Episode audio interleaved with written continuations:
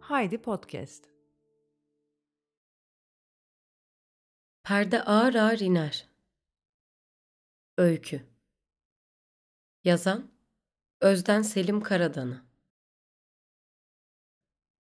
Açtı gözlerini çift kişilik yatağının tam ortasında Hadi Güler. Normalde bir çırpıda yataktan fırlamak gibi bir huyu vardır. Kalkar, hafifçe sendeler, sonra doğruca yüz yıkamaya gider. Bugün bir farklı, doğrulmuyor yataktan. Tavana bakıyor. Kim bilir neler geçiyor aklından.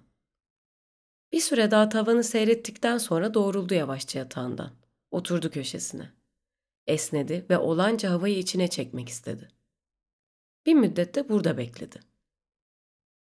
Hareketsiz kalan vücudu bir tepki gösterdi ve aniden irkildi. Lavabonun yolunu tuttu.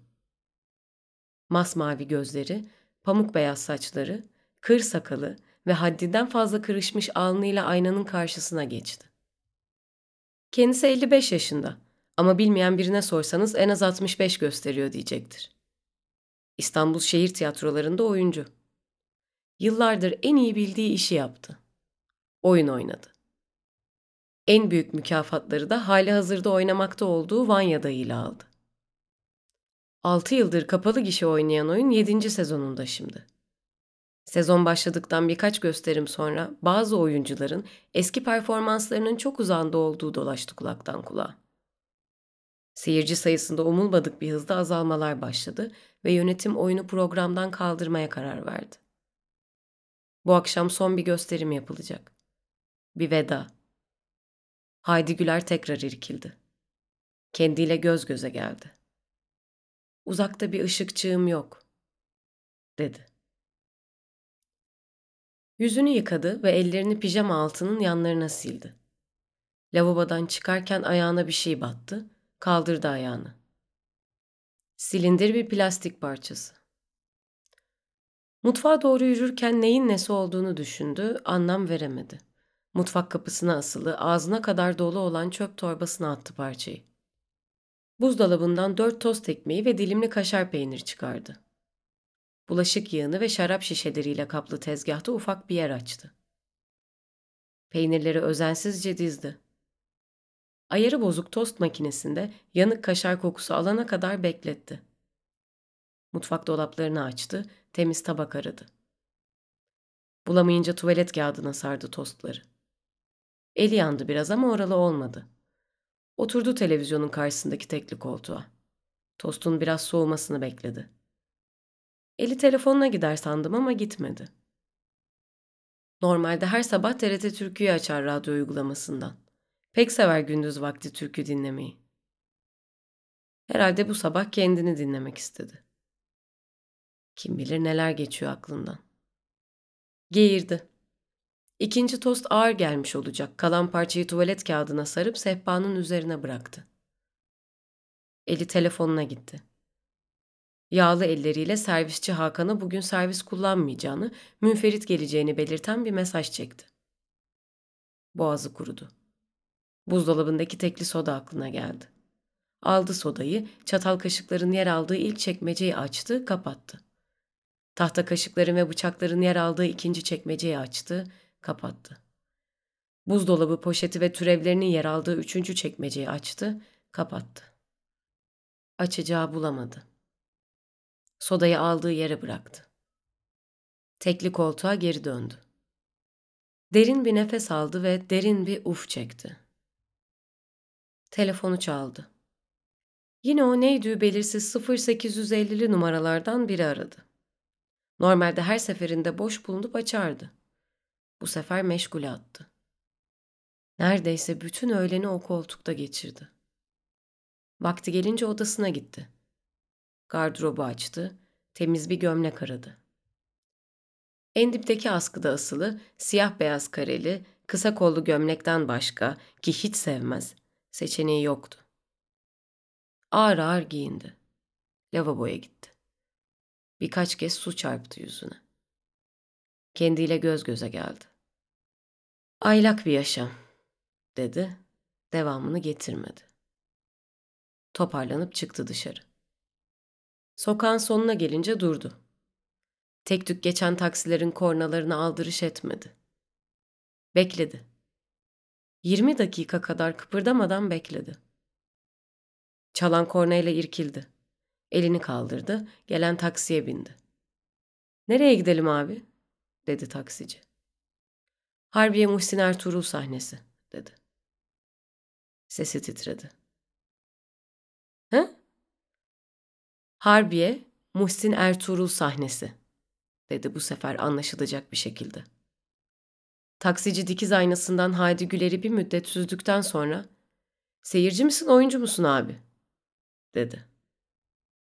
Haydi Güler bir müddet sessizlikten sonra ''Seyirciyim'' dedi. Muhabbetin devamı gelmedi. Radyoda çalan şarkılar hiç hoşuna gitmemiş olacak. Bütün yol yüzünü ekşitti. Sahneye varınca arabadan indi.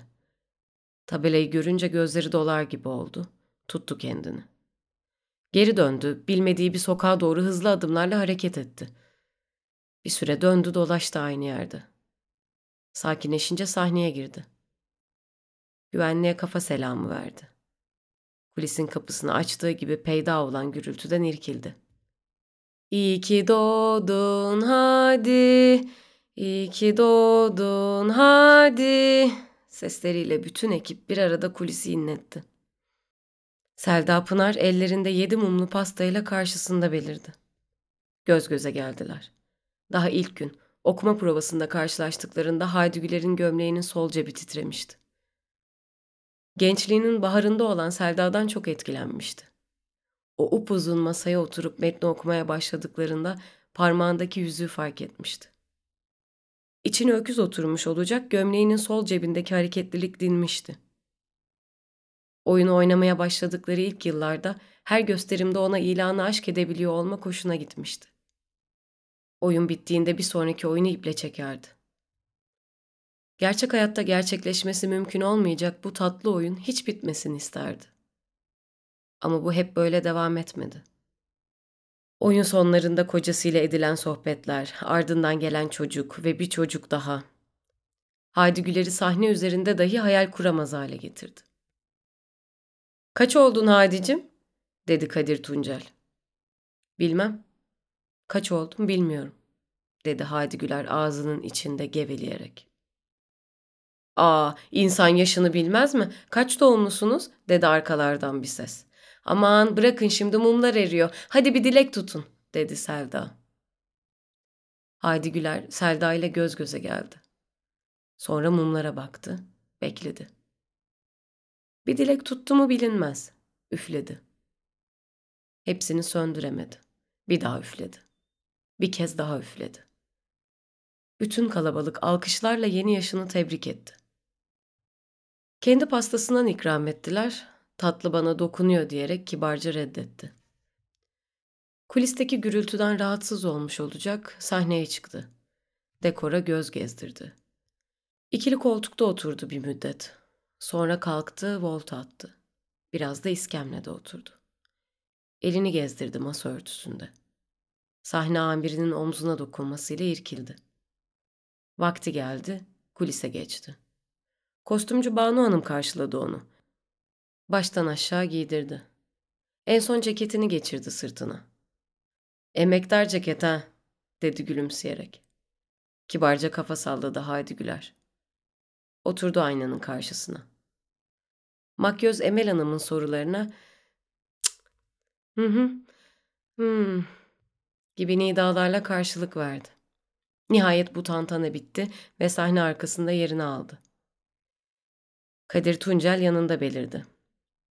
İyi misin Haydi'cim diye sordu. Yapmayın böyle Allah aşkına. Kaçtır sormaktan yorulmadınız. İyiyim yahut değilim. Bana izin verir misiniz biraz? Kadir Tuncel sessizce ayrıldı yanından. Oyuncular yerlerini aldı. Son anonsun ardından perde açıldı. Oyun başladı. Bir önceki oyunların aksine salon hınca hınç doluydu. Haydi Güler son kez Voynitski olarak çıktı sahneye. Astrov, uyudun mu? Voynitski, evet, çok. Profesör zevcesiyle buraya taşınalı beri yaşam çığırından çıktı. Zamanında uyumuyorum. Kahvaltıda ve öğle yemeğinde abur cubur yiyorum. Bir de şarap içmek çıktı. Bütün bunlar sağlığa zararlı. Önceleri tek bir boş dakikam yoktu. Sonya ile nasıl da çalışırdık. Şimdi Sonya çalışıyor, bense uyuyor, yiyip içiyorum. Yok, iyi bir şey değil bu. Repliğinden bağımsız bir kez daha tekrar etti. Yok, iyi bir şey değil bu. Ön sırada oturanlar gözlerinin nemli olduğunu rahatlıkla görebilirdi. İlk perdeyi bitirdiler. Kimseyle muhatap olmadı. Boğazı kurumuştu. Replikler ağzından zor dökülüyordu. Sebil'in yanına vardı. Üç bardak su içti. Tuvalete uğradı. Oyuncular yerlerini aldı. Perde açıldı. İkinci perdede soğuk soğuk terleyen Hadi Güler ara ara cebinden çıkarttığı peçetesiyle alnını sildi. Kadir Tuncel yurtluğu satmayı önerdiği tiradını attı. Haydi Güler haddinden fazla es vererek karşılık verdi her seferinde. Sesi ön sıralardaki seyircilere dahi ulaşamayacak cılızlıktaydı. Bir anlığına dalmış olacak, Selda Pınar'ın bağırmasıyla irkildi. Yelena Andreevna, şu andan tez yok bu cehennemden çıkıp gidiyorum. Daha fazla dayanamam. Haydi Güler Selda ile göz göze geldi. Replik sırası ondaydı. Ağzından tek kelime çıkmadı. Selda ağzının içine bakıyordu. Baktı olmuyor, repliğini hatırlatacak bir soruyla imdadına yetişmek istedi. Haydi Güler gözlerini kaçırdı Selda'dan.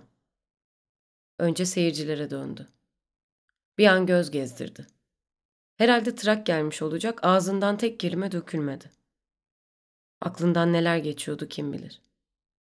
Oyunu daha önceden izlemiş olan seyircilerin fısıltıları oyunculara kadar uzandı. Kaldıkları yerden Haydi Güler'in repliklerini atlayarak devam ettirdiler oyunu. Sonya'yı oynayan Defne Yılmaz inisiyatif alarak ve elinden geldiğince oyuna yedirerek Manya dayısının koluna girip onu sahneden çıkarttı. Ne yapıyorsunuz? Kendinize gelin. Oyun bitmedi daha. Toparlanın ve sahneye çıkın lütfen, dedi kısık sesle bağırarak. Sahneye döndü. Sahne arkasındaki insanların tuhaf bakışları arasında yangın çıkışına yöneldi. Bastırdı kapının koluna açılmadı. Tüm gücüyle yüklendi bu sefer. Açıldı kapı. Takip etti yolu çıkışa kadar. Hızlı adımlarla kurtulmak istedi oradan. Korna seslerinin arasında karşıdan karşıya geçti. Kravatını çıkarıp yere attı. Bilmediği bir sokağa girdi. Adımları yavaşladı. Yüreğinin ta derinliklerinde bir şey kırılıvermişti. Nefes alıp vermekte zorlandı giderek. Ceketini çıkardı güçlükle. Yere uzandı. Gözleri kapandı. Eski zamanlarda olsaydık, eski usul bir tiyatroda bir suflör olsaydım, Haydi Güler'in sessizliğe büründüğü tam o anda usulca fısıldardım repliğini.